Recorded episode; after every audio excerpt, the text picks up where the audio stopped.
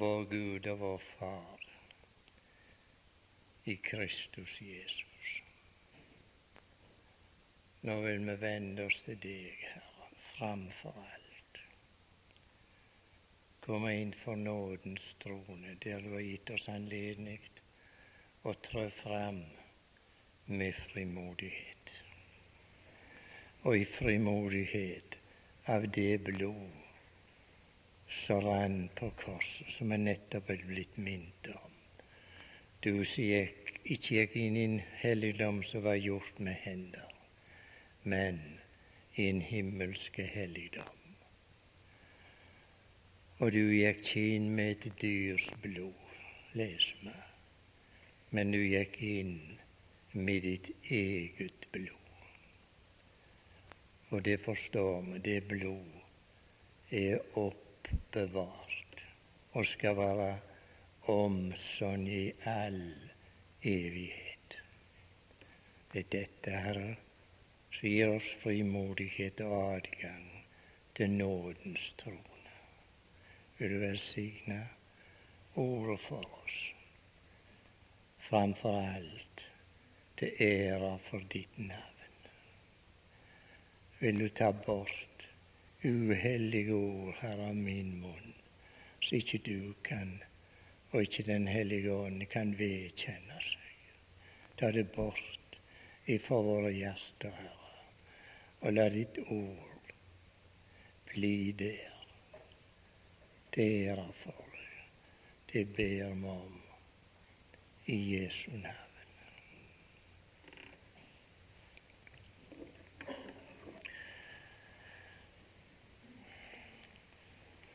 Skal vi lese fra første Mosebok i kveld òg, et avsnitt.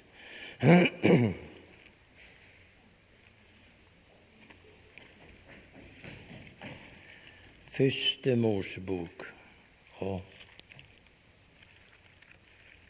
og kapittel 24. Det skal vi lese i fellesskap innenfor Herrens åsyn. Første Mosebok 24. Og jeg har lyst til å gjenta Jeg nevnte det vel i går, og jeg må gjenta det for min egen del først og fremst. Når vi leser beretninger i Det gamle testamentet, så har vi Nytestamentets lys over det. Og der, du vet, der står i, i 1. Korinterne 10, det som jeg nevnte i går, der er talt om Israel og deres vei og deres vandring. Og så minner apostelen oss om det hendte dem som forbilde, men det er skrevet med formaning til oss, til hvem de siste tider er kommet med formaning. Vi kjenner til formaning. Herren han formaner ikke så som vi formaner. For vi vet det, vi gjør det sånn med. Vi bruker fingeren. Og nå får du være så god, rette deg etter det. Og når det er riktig gale, så bruker man knyttneven. Gud gjør ikke slik. Har du lagt merke til når han skriver i Romerne 12, er det vel? Jeg formaner eder, brødre, ved Guds miskunnhet. Sånn er det Gud formaner. Han truer aldri, men han formaner i miskunnhet og i nåde. Jeg hadde en gang en mor det er mange år siden nå. Ei god mor.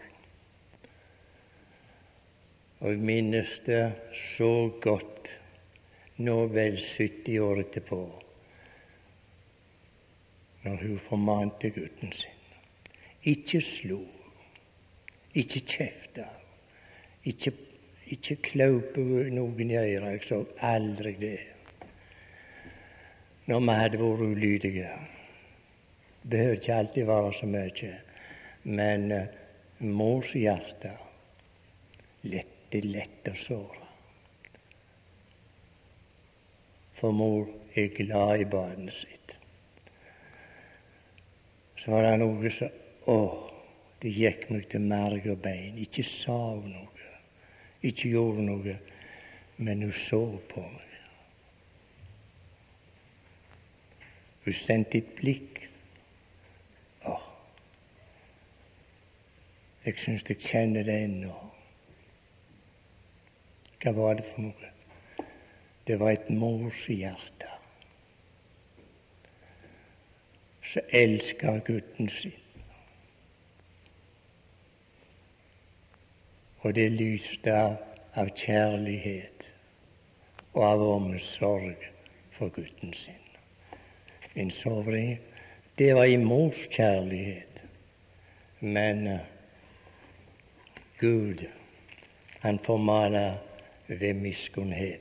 Og du vet like godt som meg, apostelen sier gang etter gang, ta dette formaningsord vel opp. Må Gud hjelpe oss til det når vi leser dette kapittelet, en del av det, da, at vi tar det som en formaning ifra en Gud som elsker barna sine. Her har han gitt oss et klart forbilde.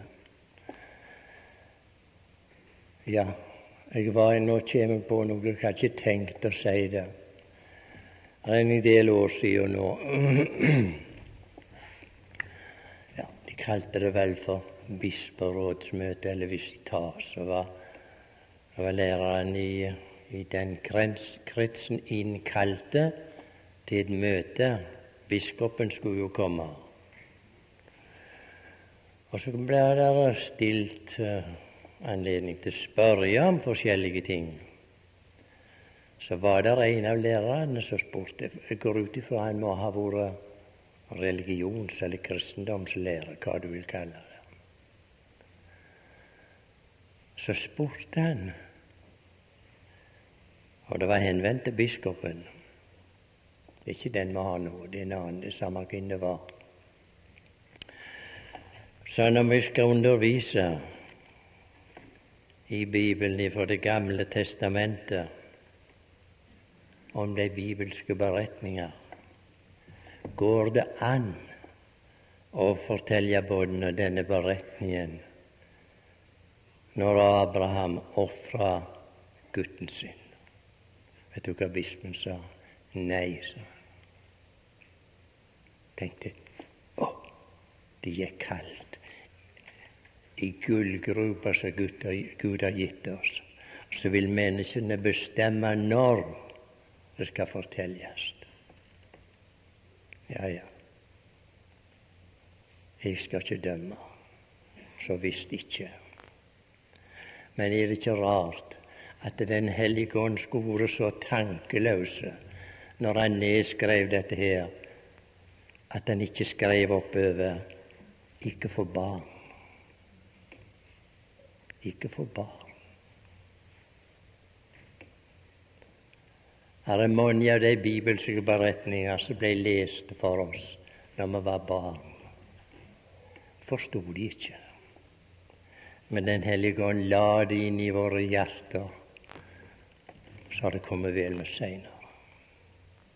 Derfor står det så ved alle vannet, så livets sed'. Ikke bry deg om hva bispen sier, eller noen andre for den del. Uansett. Gud har talt. Så får du stå til troen. Skal vi med den bakgrunn, med, med dette for oss,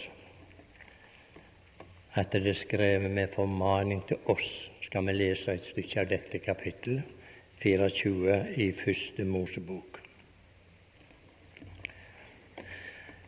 Abraham Nei, nå tuller jeg. Ja da. Sånn er det å bli gammel.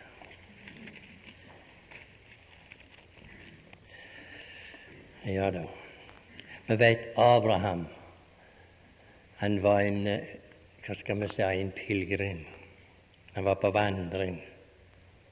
Han var kalt ut ifra Ur i Kalea. Gud kalte han ut på vei til et annet land. Og Abrahams barn, som vi er ved tro, vi er pilegrimer i denne verden. Vi er ikke på reis til et land på hisida på kloden, men vi er på reis til det nye Jerusalem. Lykkelige pilegrimer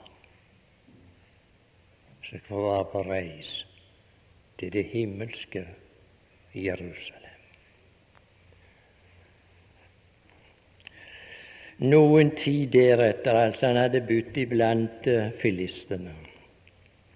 Noen tid deretter satte Gud Abraham på prøve, og han sa til ham, Abraham, og han svarte, Ja, her er jeg. Da sa han, Ta din sønn, og du la oss lese og be Gud at vi ikke leser som vi leser aviser. Ta din sønn,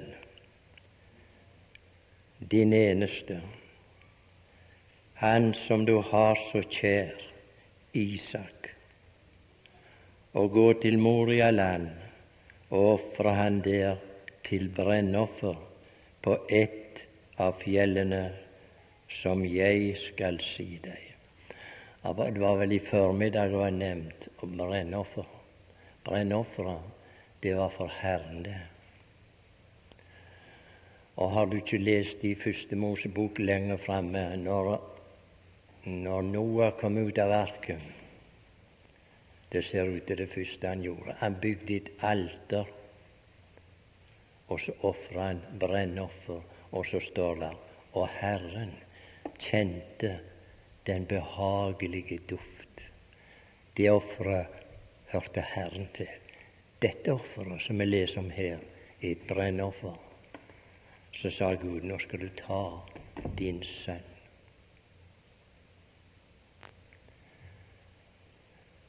Det står vet en plass, det er vel i hebreerbrevet Guds ord er som et tveegget sverd skal vi legge merke til når dette sverd går inn i Abrahams hjerte. Ta din sønn. Og hvordan det bårte seg inn i Abrahams hjerte. Så går det stykke for stykke inn i hans hjerte. Ta din sønn, din eneste. Har du ikke flere, Abraham? Jo, han hadde is med. Det gjaldt ikke han. Det gjaldt løftets sønn. Han som Gud hadde sagt, i ham skal alle jordens slekter velsignes. Og så skulle han ta han og ofre han. Jeg tror ikke vi har grunn til å ynke Abraham, for Abraham visste mye bedre enn oss. For han kjente Gud han. Abraham visste Gud vet de rå han. Han gjorde det i tro. Ta din sønn, din eneste, ham som du har så kjær. Å, hvor sverdet går inn og inn i kjære Abrahams hjerte. Og så kommer slutten når det ser seg går til skaftet. Isak. Isak. Hva skal jeg med han, da? Jo, nå skal du gå til Moria land og ofre han der til brennoffer på et av fjellene som jeg skal si deg. Så sto Abraham tidlig opp om morgenen. Hvordan tror du Abraham gikk til sengs? vel vitende om i morgen krever Gud den kjære gutten min. Men det er ting her i denne beretningen som fortelles noe annet. Så sto Abraham tidlig opp om morgenen og leste på sitt asen og tok to av sine drenger med seg og Isak sin sønn. Han kløvde ved til brennofferet og gav seg på veien til det sted Gud hadde sagt ham. Abraham tok noen avveier. Han tok av sted til det sted Gud hadde sagt ham. På den tredje dag,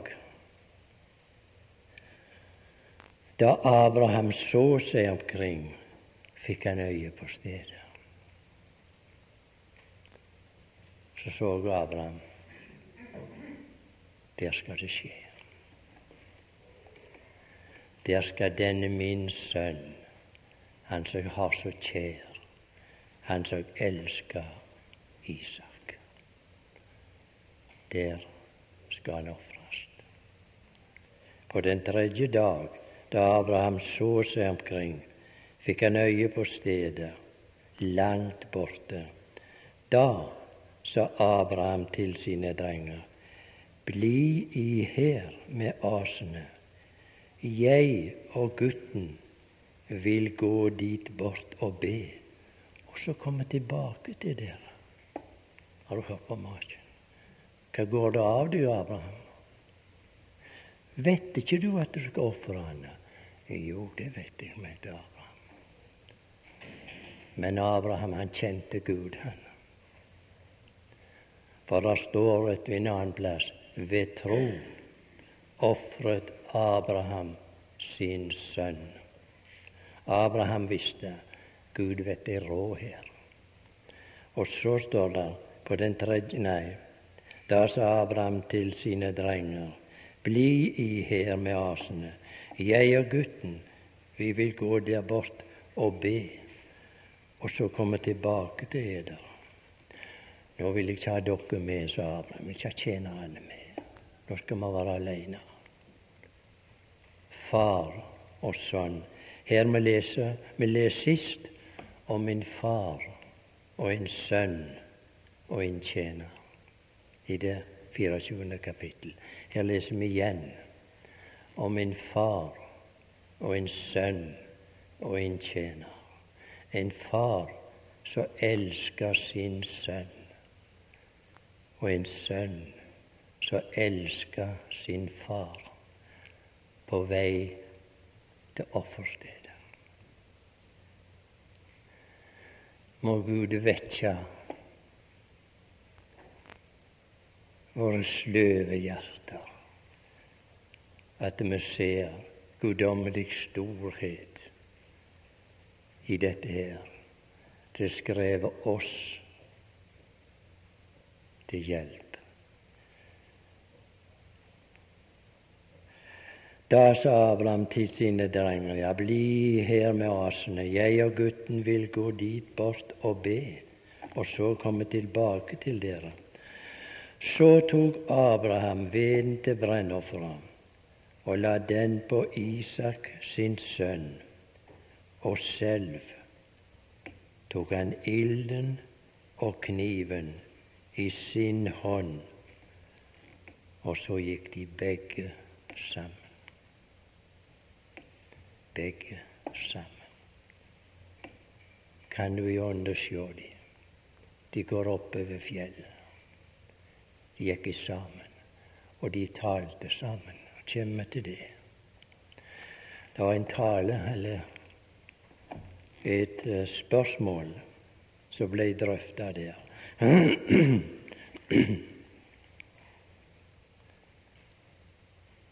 Ja, han la veden på gutten, og selv tok han ilden og kniven i sin hånd, og så gikk de, begge sammen.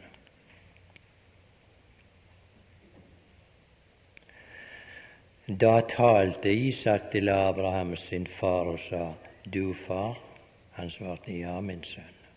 Han sa, Se, her er ilden og veden, men hvor er lammet til brennofferet? Abraham svarte, Gud skal selv utse seg lammet til brennoffer, min sønn. Og så gikk de begge sammen. Det er nødvendig å legge merke til dette her. Det samfunnet de hadde, de gikk begge sammen.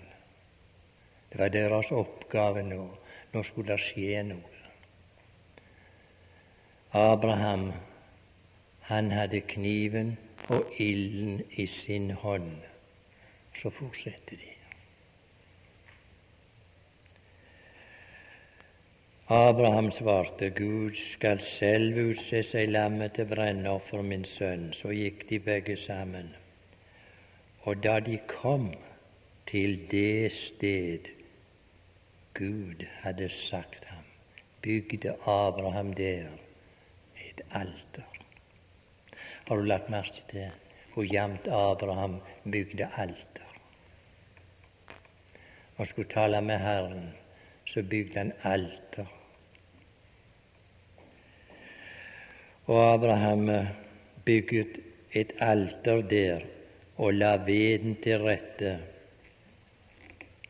Så bandt han Isak, sin sønn, og la ham på alteret oven på veden. Kan du tenke deg denne hundreåringen kunne ta på seg og så binde en 30-åring. Men du, det var Faderens lydige sønn. Kan du tenke deg inn i motbildet? Han lot seg binde. Han var lydig. Og så la han, over, han la han opp på alteret. Og la han på alteret ovenpå veden.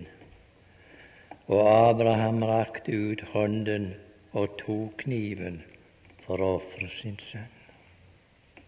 Ingen motsigelse, verken ifra Sønnen til Faderen eller ifra Faderen til Gud. Det var bestemt, dette.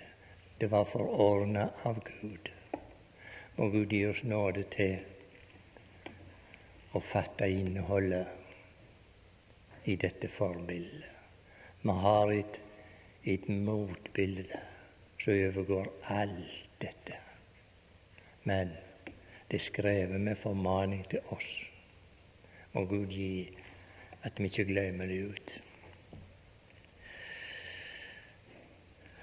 Og Abraham rakte ut hånden og tok kniven for å ofre sin sønn. Da ropte Herrens engel til ham fra himmelen og sa, Abraham, Abraham. Han svarte, Ja, her er jeg.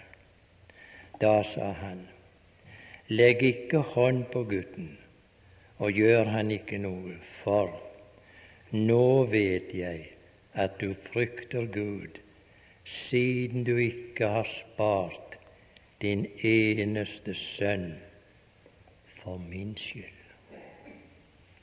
For min skyld. Da nå Abraham så opp, fikk han se en vær bakenfor seg som hang fast i buskene med sine horn. Og Abraham gikk bort og tok væren og ofret den til brennoffer i stedet for sin sønn. Og Abraham kalte dette sted Herren ser. Derfor sier folk den dag i dag på Herrens berg skal den la seg se. Og Herrens engel ropte ennå en gang til Abraham fra himmelen og sa:" Ved meg selv sverger jeg, sier Herren, fordi du gjorde dette og ikke sparte din eneste sønn, så vil jeg storlig velsigne deg og gjøre din ett såre tallrik som stjernene på himmelen og som sanden på havets bredd, og din ett skal ta sine fienders porter i eie, og i din ett skal alle jordens folk velsignes fordi du lød mitt ord. Fordi du lød mitt ord. Det var svaret fra himmelen. Denne beretningen vet jeg er såpass kjent blant folk, blant Guds folk, de som leser sin bibel, at eh, det skulle ikke være så nødvendig å si så mye mer om den. Men uh, det som ligger meg på hjertet, det er motbildet. En skjønt dette er så kostelig og nødvendig for oss å, å lese om og om igjen. Men du, det var en annen far og en annen sønn som vi finner her på veien til offerstedet. Her står her at det det var ei tredagsreis. Men den reis så den himmelske Abraham og den himmelske Isak foretok her i verden, det var ei 30-årsreis. Og du en alltid talte sammen på veien, på veien til det sted Gud hadde utsett. Der skal jeg gå fra min sønn når de var på veien. Du har sikkert lagt merke til når du leser i evangeliene. Mens andre folk sov om nettene, så var han ute på fjellene i bønn til Gud. Og det går framover til hva de talte om. De talte nettopp om dette. Du har sikkert lest beretningen når han var på, på fjellet, som vi sier. Han hadde med seg Peter og Jakob og Johannes og på et høyt fjell. Og mens de var der, så åpenbarte Moses og Elias dem. Og det Og du, hvor godt det var at Herren hadde disse tre med seg. Peter sier en annen plass vi, er, vi var øyenvitner til Hans storhet øyenvitner. Og vi vet det er inni og vitner som er pålitelige enn øyenvitner. Og her hører vi hva de taler om. De talte om hans bortgang, som skulle fullbyrdes i Jerusalem. Fullbyrdelsen av den Jerusalem, i denne offer, det forteller Guds ord oss. Og det er vel ingen her som er uvitende om det, hva fullbyrdelsen var som skulle skje i Jerusalem. Du, det var et offersted. Skal vi se om vi finner det stedet. For det står her da han kom til stedet. Og det står, ja, ja, det står helt klart når Gud kom til stedet med sin sønn skal vi undersøke i Nytestamentet. Der er flere plasser, men eh, jeg har ikke evne til å tale. Vi finner den samme sannhet i alle evangeliene, men eh, vi får holde oss til det ene her i, i Matteus evangeliet skal vi se hva kapittel Matteus 26.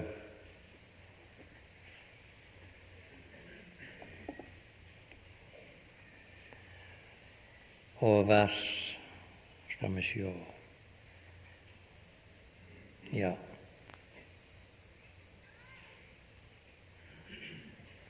Vers 36, tenker jeg, det bryter vi inn. Da kom Jesus med disiplene til et sted som heter Getsemane. Nå var de kommet til stedet, på veien til offerstedet. Her var de innom. De kom til et sted som heter Getsemane. Og han sa til disiplene, Sett eder her mens jeg går bort og ber. Hva var det Abraham sa til drengene sine da? Bli her mens jeg går bort. Meg og drengene går bort og ber. Her kommer han igjen. Sett dere her, sa han. Sett dere her mens jeg går bort og ber. Og han tok Peter og de to Sebudeus' sønner med seg. Det er akkurat det samme som han hadde med seg på Forklarelsens berg. De som hadde vært øyenvitner, som Peter skrev om, til hans storhet. Her har han de med seg i Getsemane. Her blir han gjort til synd. Nå begynner det avsnittet. Han blir gjort til synd for oss for at vi i ham skulle være rettferdige for Gud. Skal vi nå følge han på veien ut til Golgata, der Gud måtte bruke kniven, og der han reiste et alter og la veden til rettes. Og merkelig nok der står det om Sønnen òg.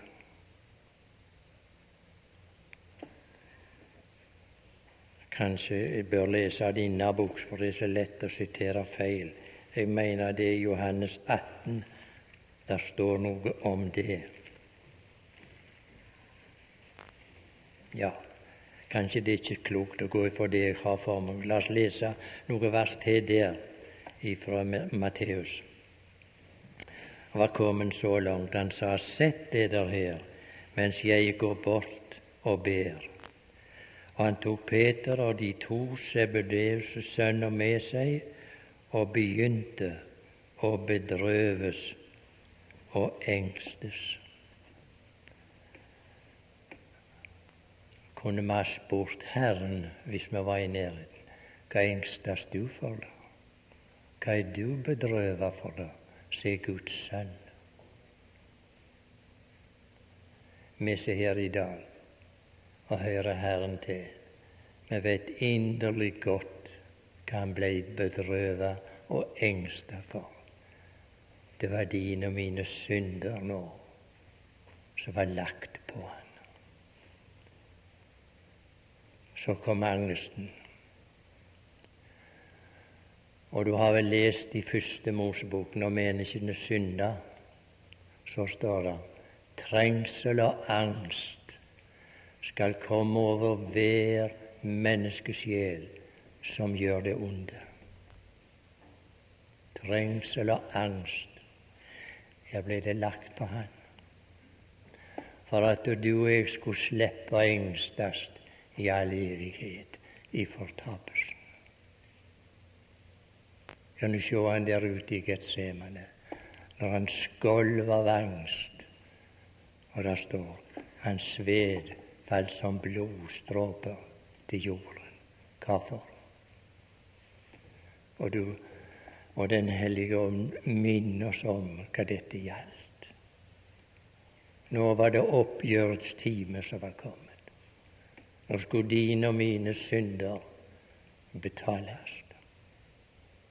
Og når vi kommer lenger ut til Golgata,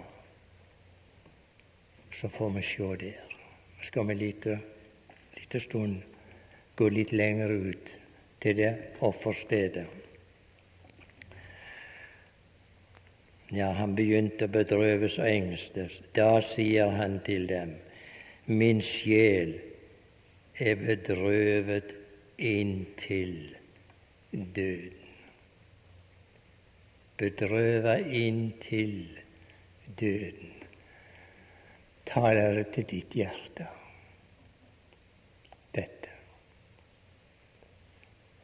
Guds sønn tatt synderens plass og Toa måtte ta imot angsten som kommer over hver menneske som sjel som gjør onde, for det hadde Gud sagt. Nå har han lagt det på Sønnen, for det var håpløst for oss menneskene å bli kvitt den angsten.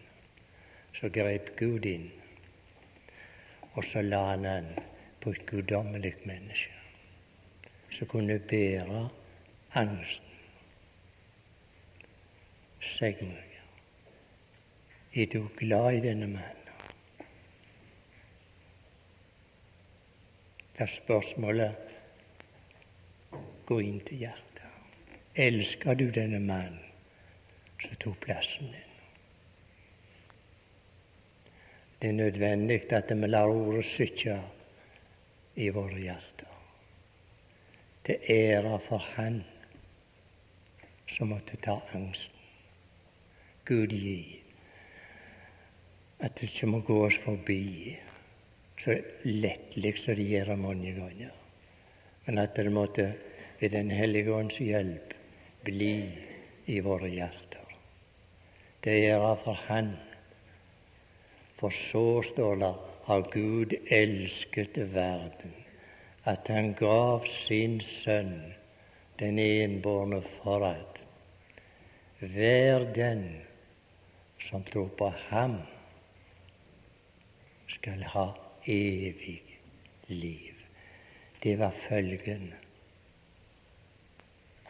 av å ta vår angst og ta vår synd på seg. Men du, for en pris han betalte. Glemmer vi prisen på vandringen? Han som kjøpte oss så dyrt. Ja, og så lever vi for oss sjøl og for verden. Og ikke for Han, sånn som vi burde gjøre. Men det er det bare Den hellige ånd som kan overbevise oss om. Her nytter det ikke med så tiltak og skippertak. Blir aldri noe av det. Det er Den hellige ånd i våre hjerter som må utføre det hengivenhet for Gud og Hans Sønn. Vi leser videre her. Han sa, Jeg er bedrøvet inntil døden. Bli her og våg med meg. Og han gikk et lite stykke frem, falt på sitt ansikt, ba og sa, Min Fader, er det mulig, da la denne kalk gå meg forbi, dog ikke som jeg vil, men som du vil ser du den lydige sønn. Guds ord sier han var lydig inntil døden.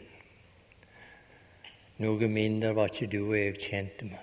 Vi måtte ha en som kunne gå inn i døden for oss. Og hvis vi skulle gått inn i døden for våre synder, så hadde vi blitt der. Men han, Gud oppreiste han. Han kom ut igjen, og han lever i dag. Og det var han som berga oss. Så skal vi se på det skriftstedet. Det var vel Johannes 18, 12 jeg sa, var det ikke det, da?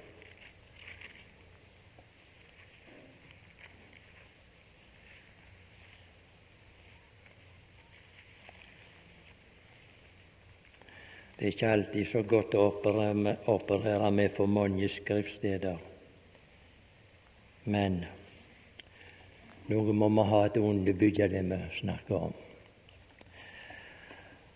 Men jeg tenkte på det, jeg nevnte det vel òg, at Isak lot seg binde. Og det var en annen som bandt han, og så la han det opp på alteret.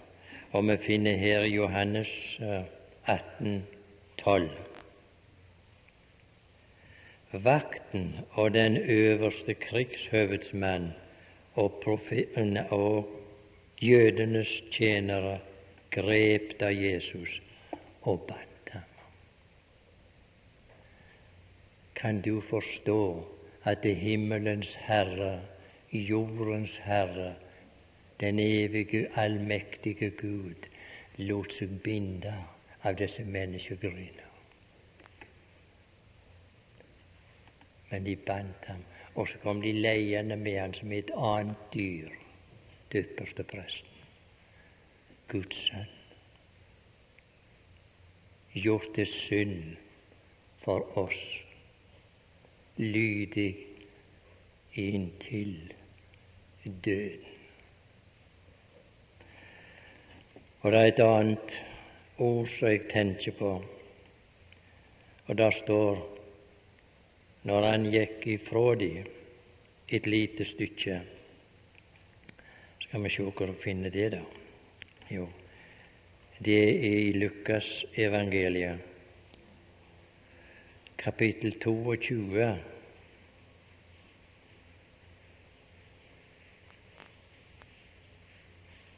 Ja. Og vers 41. og han slet seg fra dem. Og du Han slet seg fra dem. Hvorfor? For han elska de der. De der stakkars kryperne så hadde svikta han så mange ganger. Han slet seg fra dem så langt som et stenkast. Ikke så langt, det og falt på kne, ba og sa, Far, om du vil, da la denne kalka meg forbi, dog skje ikke min vilje, men din.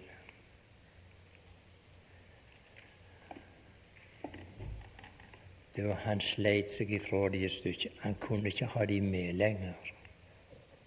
Og nå skulle han innenfor Guds åsyn som den personifiserte synder. Nå skulle Gud handle med han som synder. Og da kunne han ikke ha verken Peter eller Jakob og Johannes med seg. Det lille stykket, et steinkast. Og det er forunderlig. Der står et steinkast det var ikke timelige steiner. Det var ikke timelige steiner her er tale om som falt på Guds sønn, men det var guddommelige stein. Det ramma han akkurat der han lå. For Gud hadde sagt den som synder, han skal dø. og den som henger på et kors. Han innveder styggelighet. Og han blir gjort til synd for oss. Han blir gjort til en forbannelse. Vi trenger visst å minne han både støtt og stadig. Det var for oss, dette. Ta han bort. så lander du og jeg i helvete. Verken mer eller mindre. Det bør vi ha klart for oss. Men det er det den ugudelige verden ikke forstår, for de sever syndens søvn, og den er djup. Det vil bli deres erfaring som har ringeakta dette paktens blod som vi leser om her til en begynnelse i kveld og det kjenner sikkert til det. Det vet der står i, i Hebreabrevet en så alvorlig påminning når det gjelder Kristi blod og følgen av å ringeakte det.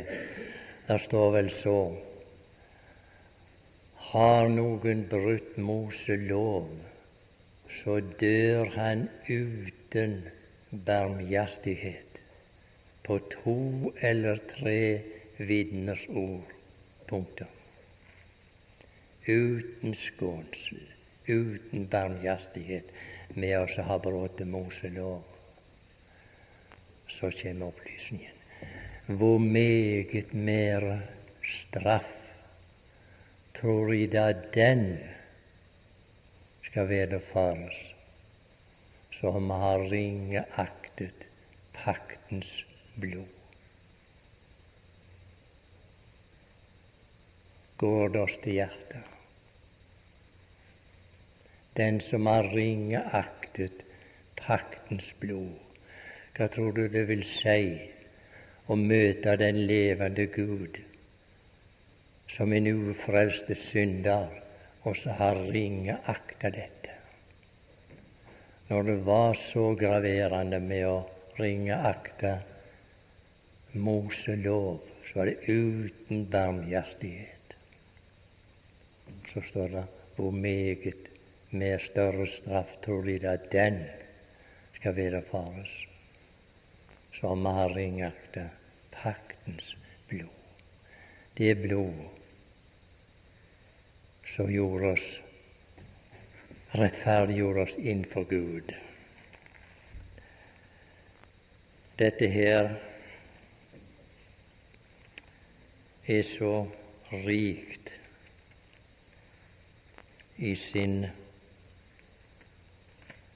i sitt innhold. Vi vet ikke Det er bare overflaten vi får berøre skal vi nå vende oss til kapittel 27 i Matteus evangeliet.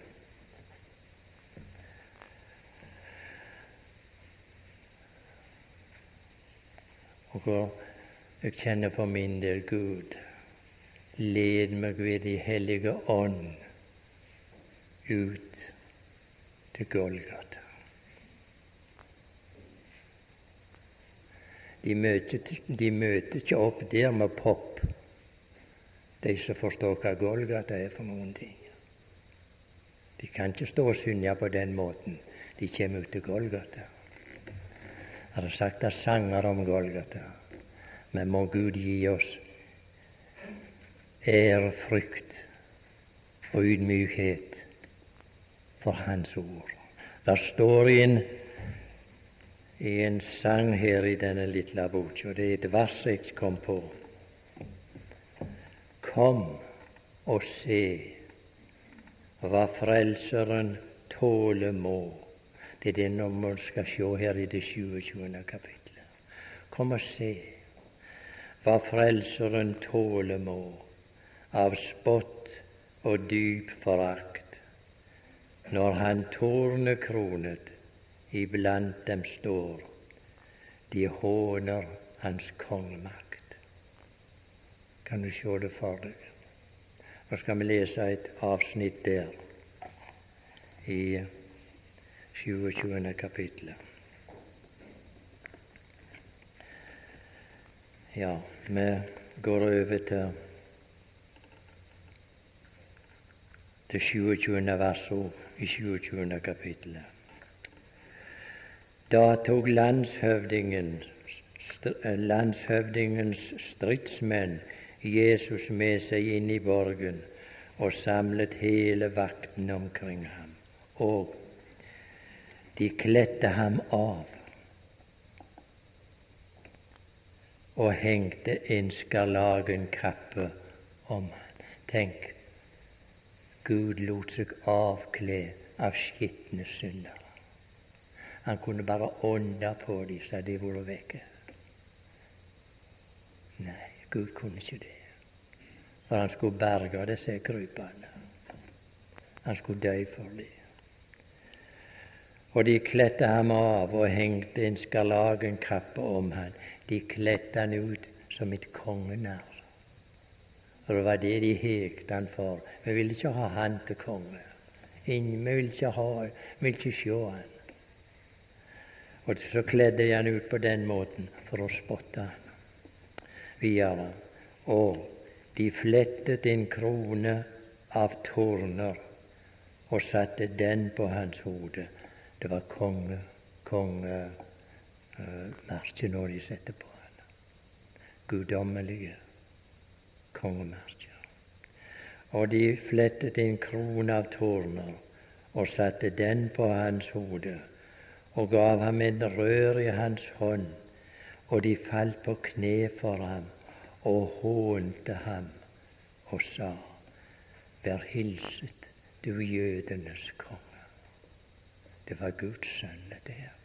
Og her i Bibelen en annen sted står det Gud var i Kristus Jesus. Det var ingen mindre enn Gud sjøl, dette. Så lot seg avkle, og så lot seg tårnekrone. Og så kledde de ham i en kappe, og så bøyde de kne for ham, og så hånte de ham og sa:" Vær hilset, du jødenes konge. Det er ikke til å undres på at sangeren ber oss gå ut til Golgata. Kom og se hva Frelseren tåler må av spott og dyp forakt. Når han tårnekronet iblant dem står, de håner hans kongemakt. Må Gud gi at vi kan se denne personen der han står med tornekrone, ikke et bebreidende ord. Han klagde aldri. Jeg har ikke funnet et klageord i min bibel når det gjaldt hans fysiske smerter men og hvor han har klagd og klaga i Salmenes bok hva hans sjel lei. Når må tenke på den tornekrone Det er meg fortalt at tornene i Israel det kunne være opptil fire tommer lange. Etter her lagde de krona og trykte ned på hans velsigna hode.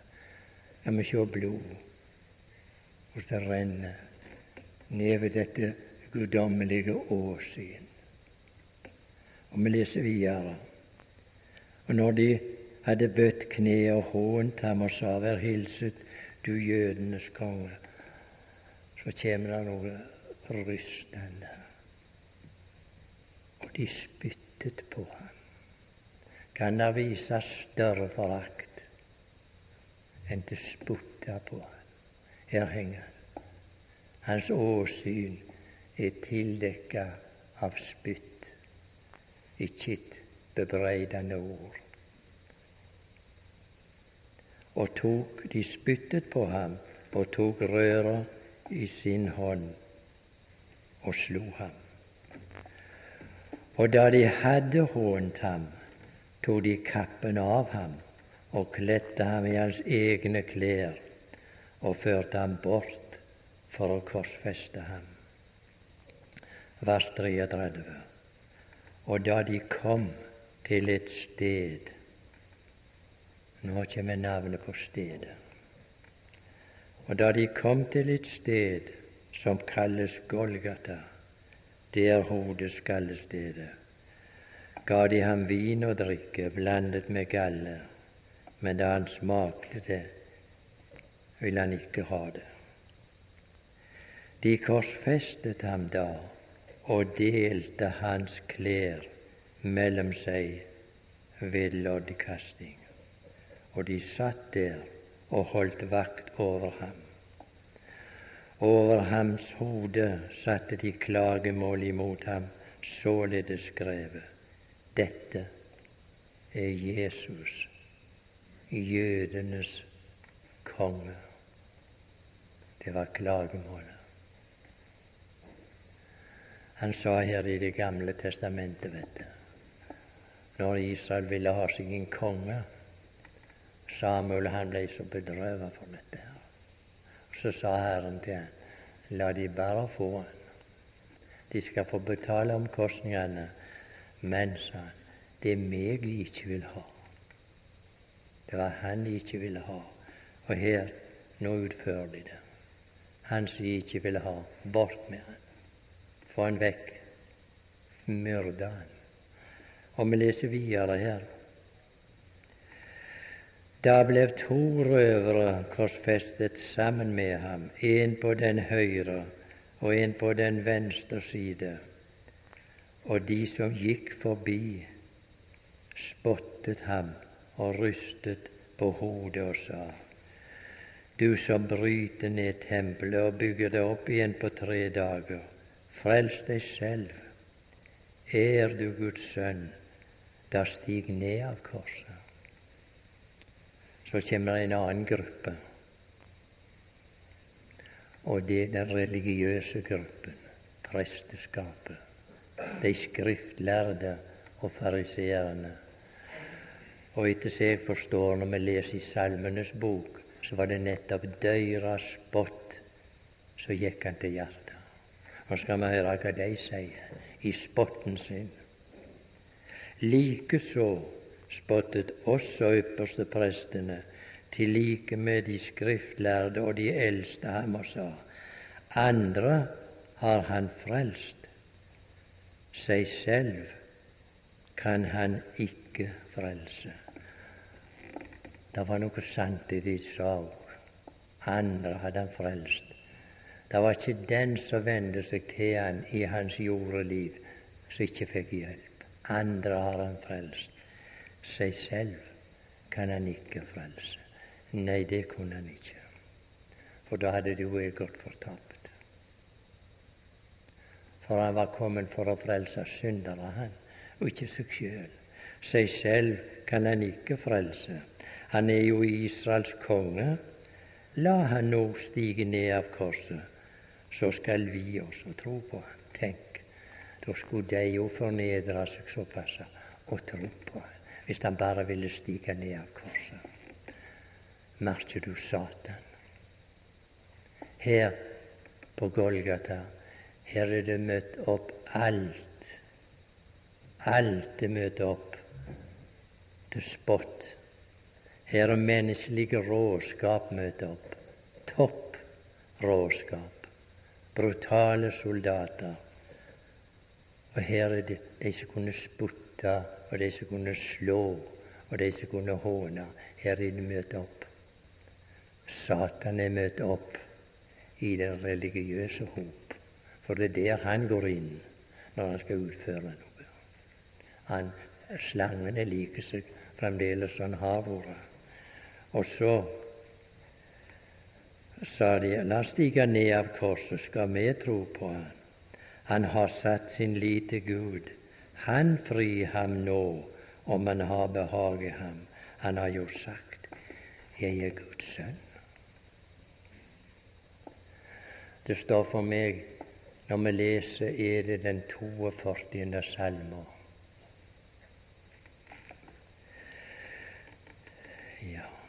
Men eh, kanskje vi skal ikke gå der til ennå. Og så står det i vers 44 her På samme måte hånte også røverne Det var ikke bare den ene.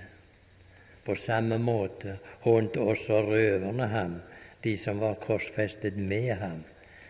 Men så kommer det et avbrudd. Legg nå merke til hva som skjer. Så ble det mørkt inn på Golgata.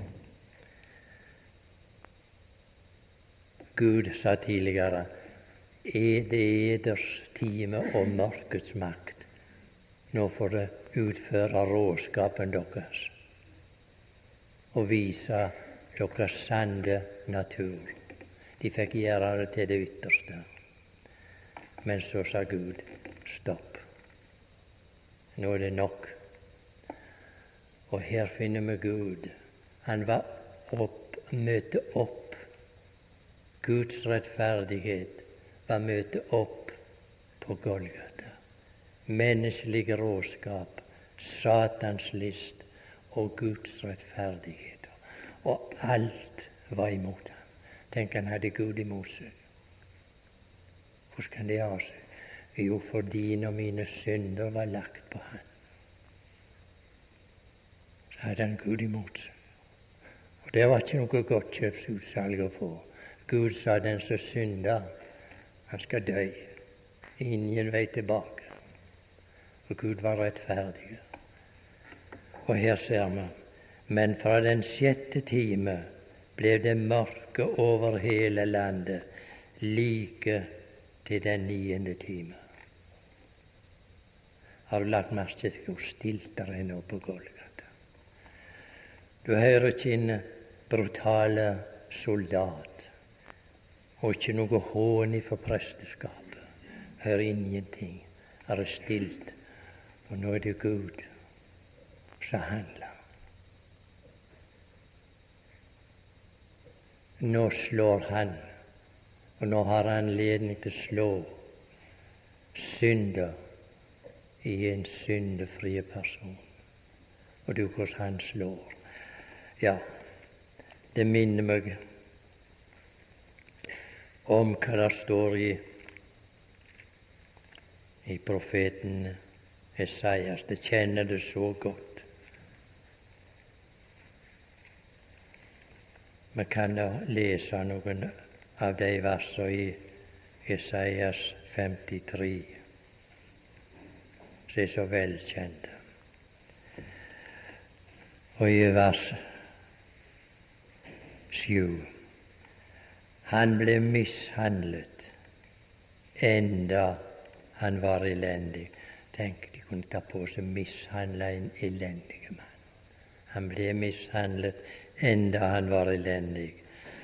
Han opplot ikke sin munn lik et lam som føres bort for å slaktes, og lik et får som tier når de klipper det. Han opplot ikke sin munn. Har du lagt merke til når de skal slakte et lam og klippe et får? Ikke en lyd. De lar seg behandle av klipperen, av slakteren. Dette var et lam. Det var Guds lam. Og vet du hva? Der står det Han opplot ikke sin munn. Han måtte tie Guds offerlam, for han bar de og min synd. Har ikke råd med å protestere. Så hadde vi vært fortapte. Han opplot ikke sin munn. Vers 10. Så kommer det noe som ingen av oss forstår. Men det behaget Herren å knuse ham.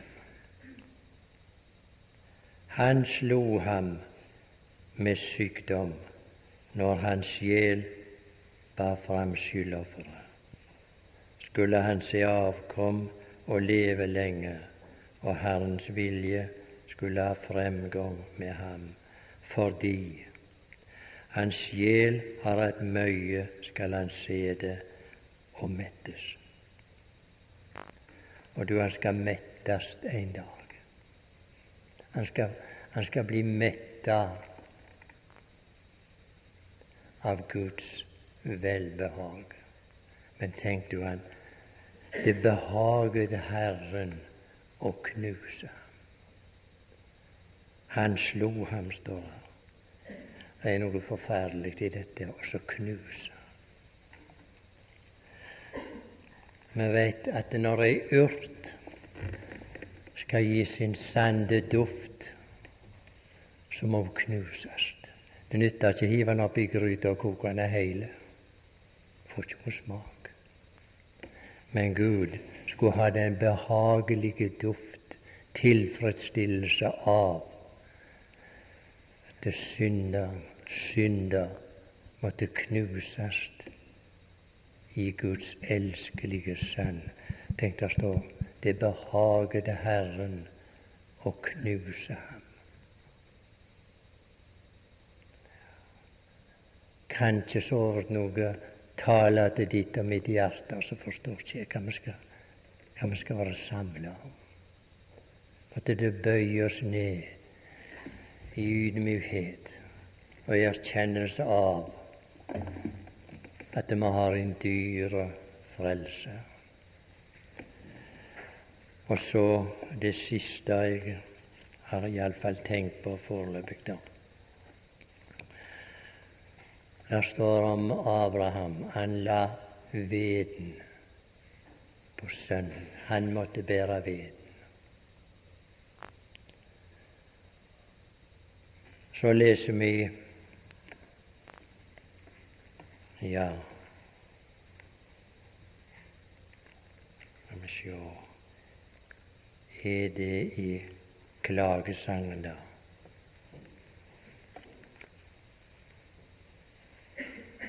Er det ikke det, eller tar jeg feil nå? Ja, det er i klagesangen. Når han henger her ute på Golgata, og så står det det var nær ved veien. Så de så han der han hang. Og her kommer han med et ord i klagesangen én. Det er et spørsmål han har. Går det dere ikke til hjertet, alle i som går forbi på veien? Sku og se om det finnes en smerte lik den smerte som er voldt meg. Den, ikke den som soldatene påførte han og, og, og ypperste prestene og dette vesenet. Det er ikke den smerte han taler om her. Men sku og se om det finnes en smerte lik den smerte som er voldt meg, den som Herren har bedrøvet meg med på sin brennende vredes dag.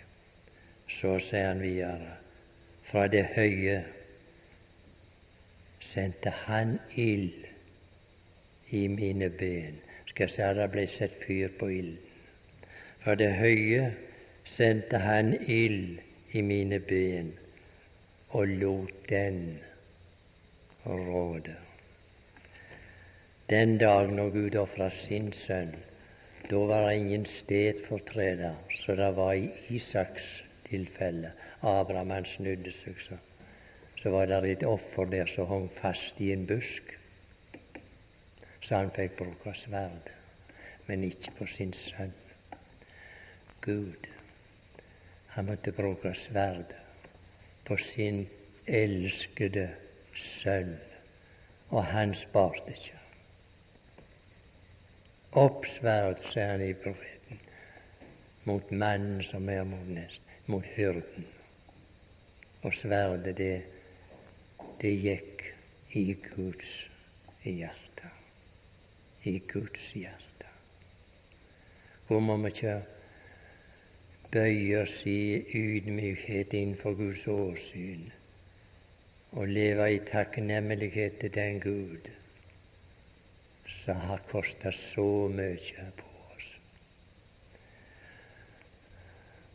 Der kommer en åpenbarelsesdag når dette lyteløse lam som her er ofra det lam som ikke sa et eneste bebreidende ord.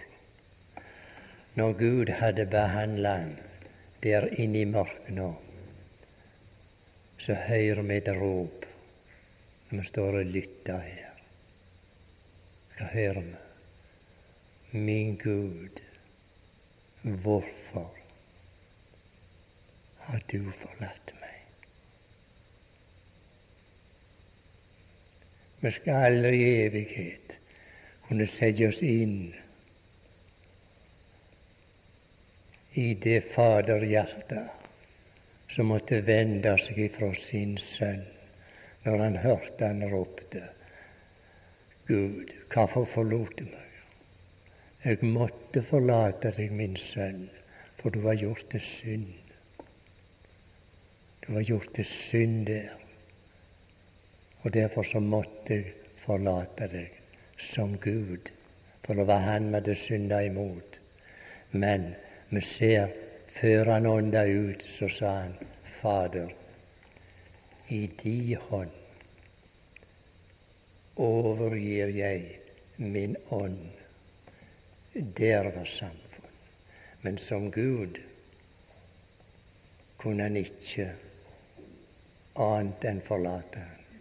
For det var Guds rettferdighet som skulle tilfredsstilles. Og her ser vi himmelens og jordens største under. Jeg må sære seg jevnt, både med meg sjøl og med andre. Her står vi ved Kristi kors. Guds rettferdighet sier betal.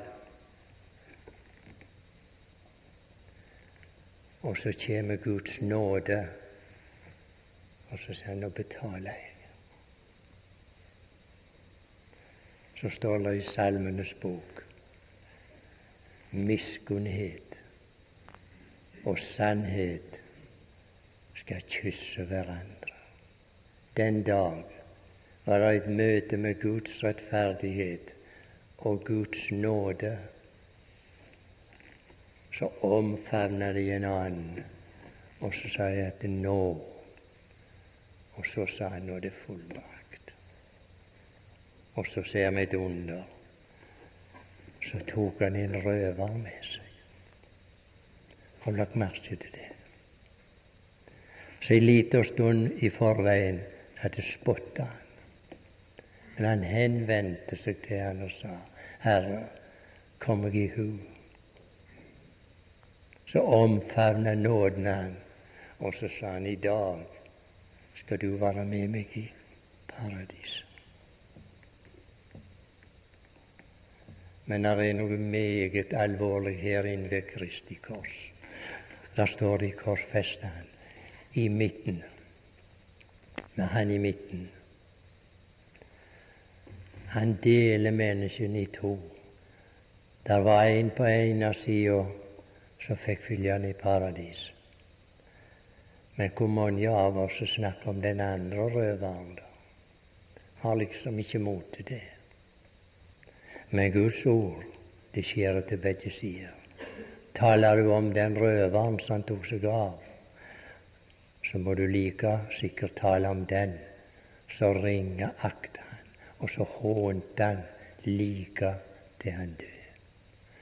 Du, den første røveren, han opplevde ham som frelseren. Men den andre,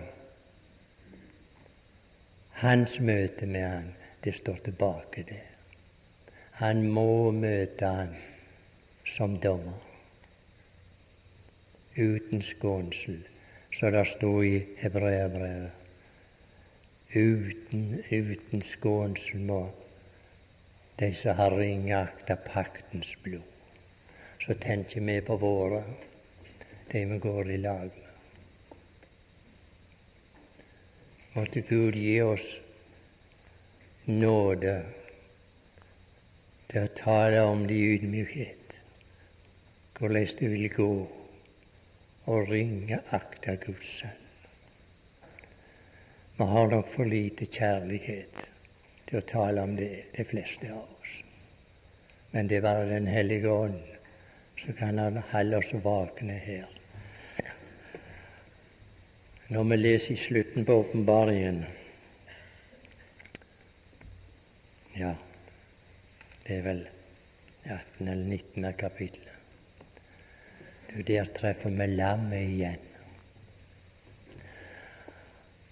Og du lammet aldeles omsnutt. Det er ikke det lam nå som ikke sier noe, som lar seg leie som et annet dyr når han var her i verden. For et lam kan du gjøre med akkurat som du vil. Det gjorde de med Herren nå. De tok ifra han alle hans rettigheter, sånn som du kan gjøre med et lam. De tok alt ifra han. Vi har vært med han akkurat som gjør med et lam. Og det er ikke noe populært i denne verden å være som et lam. Det er ikke de som når de høye stillinger. Nei, det er ulvene, ikke lam. Men dette lam, det skal vi treffe igjen. Har du møtt ham på Golgata, så kan du treffe ham med glede. Skulle du være her, som ikke har vært ute ved Golgata og sett din frelser og den frelse han har kjøpt til deg, så skal du vite for visst ifølge Guds ord Jeg er ingen svovelpredikant. Skal aldri heller bli det. Det er ikke min oppgave å være noen svovelpredikant. Men her er han.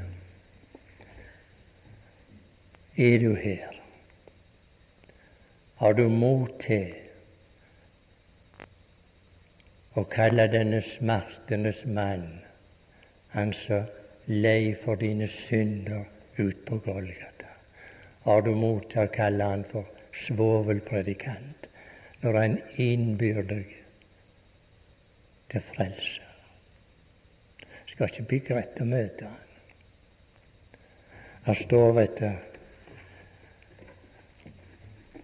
at når de så lammet, så ba de eller det, det, er ikke gjort ennå, men det er framtidig. For åpenbaringen fra kapittel fire ut, det er framtidige ting. Og der står når de skal se lammet, så skal de be i bønn,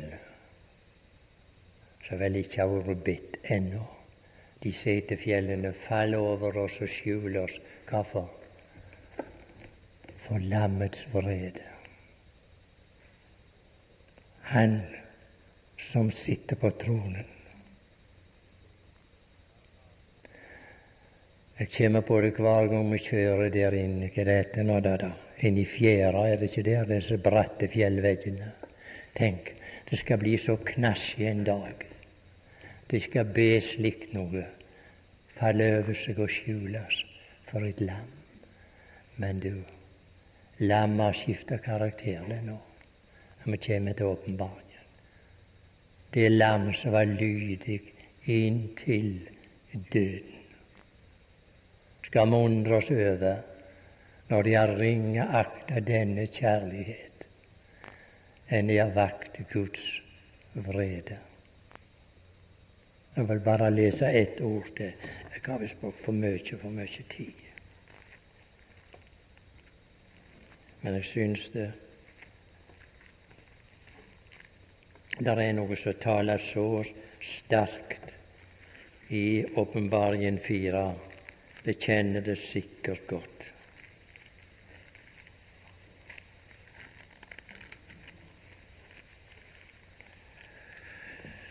Ja.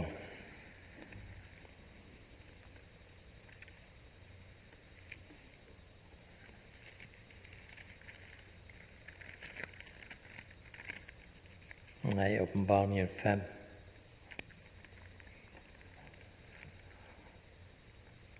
Og jeg så en veldig engel som ropte med høy røst, Hvem er verdig?